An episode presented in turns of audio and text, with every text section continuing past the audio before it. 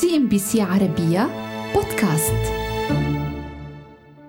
الصينيون هم من أطلق عليها التسمية التي ستقترن بها للأبد باعتبارهم أول من تأثر بها.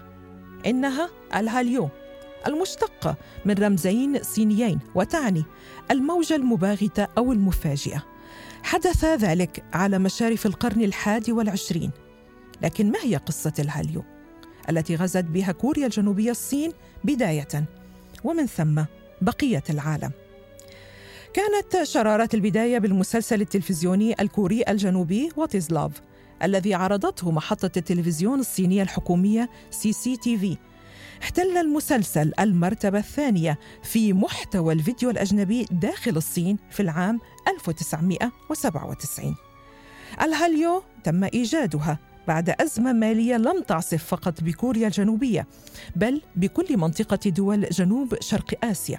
ولمواجهة العجز المالي في ميزانيتها توصلت سيول إلى اتفاق مع صندوق النقد الدولي للحصول على قرض قيمته تقترب من الستين مليار دولار شرط التزامها بتنفيذ عدد من الإجراءات المالية الصارمة والتي اشتملت على سبيل المثال رفع أسعار الفائدة والتقشف المالي وإصلاحات هيكلية وتعويم العملة بشكل كامل. خبر الاتفاق مع صندوق النقد الدولي كان مزلزلا لدرجة أن عددا من وسائل الإعلام المحلية اعتبرته عارا وطنيا لأنه برأيهم اليوم الذي خسرت فيه الحكومة الكورية لسيادتها. وعليه تم إطلاق حملة وطنية ضخمة للتبرع بغرض سداد قرض صندوق النقد في أسرع وقت ممكن. لاقت الحملة استجابة واسعة من قبل الكوريين الذين تخلوا عن حيازاتهم من الذهب وتمكنت من جمع ما قيمته تتجاوز الملياري دولار وبمشاركة أكثر من ثلاثة ملايين ونصف المليون مواطن أي ما يقرب من ربع السكان أي أن متوسط ما تم التبرع به لكل فرد وصل لحدود 65 غراما من الذهب. قامت الحكومة بإذابة المعدن الأصفر وتحويله لسبائك قبل أن تبدأ بإرساله في شحنات إلى المؤسسة الدولية وفي أغسطس من العام 2001 نجحت كوريا الجنوبية بتسديد الدفعة الأخيرة من القرض الذي حصلت عليه من صندوق النقد الدولي وذلك قبل ثلاث سنوات تقريبا من الموعد المحدد. أدى هذا السداد السريع للقرض لضعف الاقتصاد ما جعله يبدو بحالة سيئة في أعين المستثمرين. لذلك فقدت البلاد العديد من الاستثمارات الأجنبية وافتقرت إلى السياحة وواجهت شكوكا عالمية بالمقدرة على التعافي الاقتصادي. ولحل هذه المشكلة عملت الحكومة على استهداف قطاعين رئيسيين تكنولوجيا المعلومات والثقافة الشعبية كمحركين أساسيين للنمو الاقتصادي خصوصا أن الأخيرة لن تغير من صورة كوريا وإعادة تقديمها على المسرح العالمي فقط بل ستكون بمثابة منتج تصديري سيعود بمليارات الدولارات. وعليه بادرت وزارة الثقافة الكورية بإنشاء قسم صناعة الثقافة الشعبية الذي يهتم بنشر موسيقى البوب الكورية والأزياء والمطبخ الكوري والترفيه الجماعي والكتب المصورة والرسوم المتحركة وغيرها من المنتجات الرئيسية. ويشار إلى القسم باسم مكتب المحتوى الثقافي. كل هذه الأمور مجتمعة ستشكل ظاهرة الهاليو أو القوة الناعمة لاقتصاد كوريا الجنوبية. إلى الحد الذي يمكن فيه اعتبار صعود ثقافة الهاليو على أنها المتسبب بصعود الاقتصاد لأن زيادة شعبيتها في العالم ستزيد بالتبعية مكاسب كوريا الاقتصادية.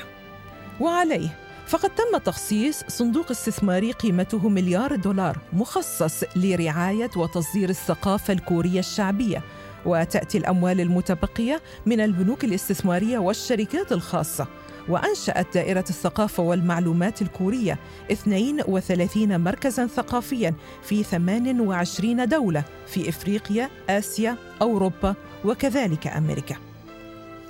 وفي دراسة لمنظمة السياحة الكورية في العام 2019 جنت كوريا أكثر من 21 مليار دولار من السياحة وجذبت أكثر من 17 مليون زائر كما تخطط الحكومة لزيادة عائدات السياحة إلى 35 مليار دولار سنوياً بحلول العام 2030 معتمدة في ذلك على زيادة انتشار الهاليو حول العالم. ورغم أن الكثير من مكونات الهاليو ما تزال تحتفظ بقوتها مثل الدراما وموسيقى البوب على مدار العقدين السابقين لكن هذا الأمر لم يعد ينطبق على قطاع المستحضرات التجميلية. حيث تقوم المجموعة الكورية باسيفيك امور بسحب بعض علاماتها الكبرى من الولايات المتحدة والصين وتوقفت سيفورا عن الترويج للمستحضرات الكورية بالحماسه التي كانت عليها في السابق. ووفقا للبيانات الصادرة عن المعهد الكوري لصناعة مستحضرات التجميل فإنه في مايو من العام 2021 كان نمو واردات مستحضرات التجميل الكورية إلى الصين بمعدل أبطأ من أي وقت مضى. وفيما يخص الأرقام ففي العام 2019 زادت صادرات ماركات التجميل الكورية إلى الصين بنسبة 14% وإلى 3 مليارات دولار أمريكي وهذه الأرقام منخفضة كثيرا عن أرقام سابقة حيث كان متوسط الزيادة السنوي بين 2013 و 2018 أكثر من 40%. بدأ لمعان المنتجات الكورية بالتلاشي بدءا من العام 2017 كان ذلك هو العام الذي أدت فيه التوترات حول نشر نظام الصواريخ الأمريكي ثاد في شبه الجزيرة الكورية إلى قيام الصين بحظر مواطنيها من السفر إلى كوريا الجنوبية وتقييد استيراد البضائع من الجارة الآسيوية. كان للأزمة عواقب بعيدة المدى على مستحضرات التجميل الكورية. ففي الوقت الذي منع فيه الزوار الصينيون من السفر إلى كوريا تحولوا للتسوق في جزيرة هاينان حيث تم بيع العلامات التجارية الغربية واليابانية المعفاة من الرسوم الجمركية بسعر أقل. زاد هذا الاتجاه مع وصول فيروس كورونا وحظر السفر الدولي لمدة 14 شهرا تقريبا. كما أن التعقيد الذي تعتمده منتجات العناية بالبشرة الكورية لم يعد مستساغا لدى الكثيرين وخصوصا لدى العملاء الصينيين.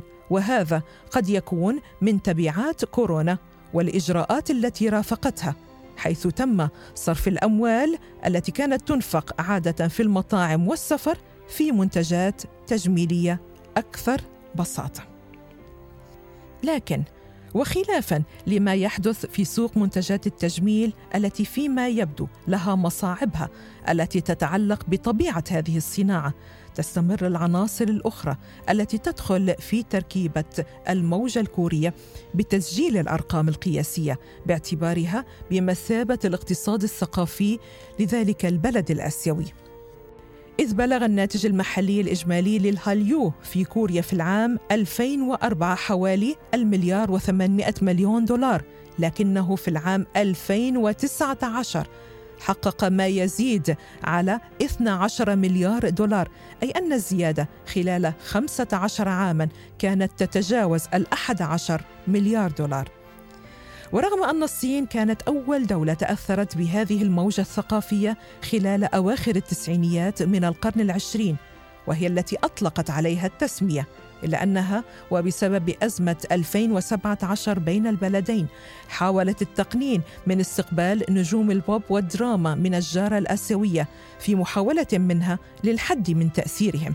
وبعيدا عن الصين وفي العام 2017 اجتاحت الهاليو الكورية أمريكا عبر فرقة ال BTS لتصبح أول فرقة كورية تحصل على شهادة من رابطة صناعة التسجيلات الأمريكية.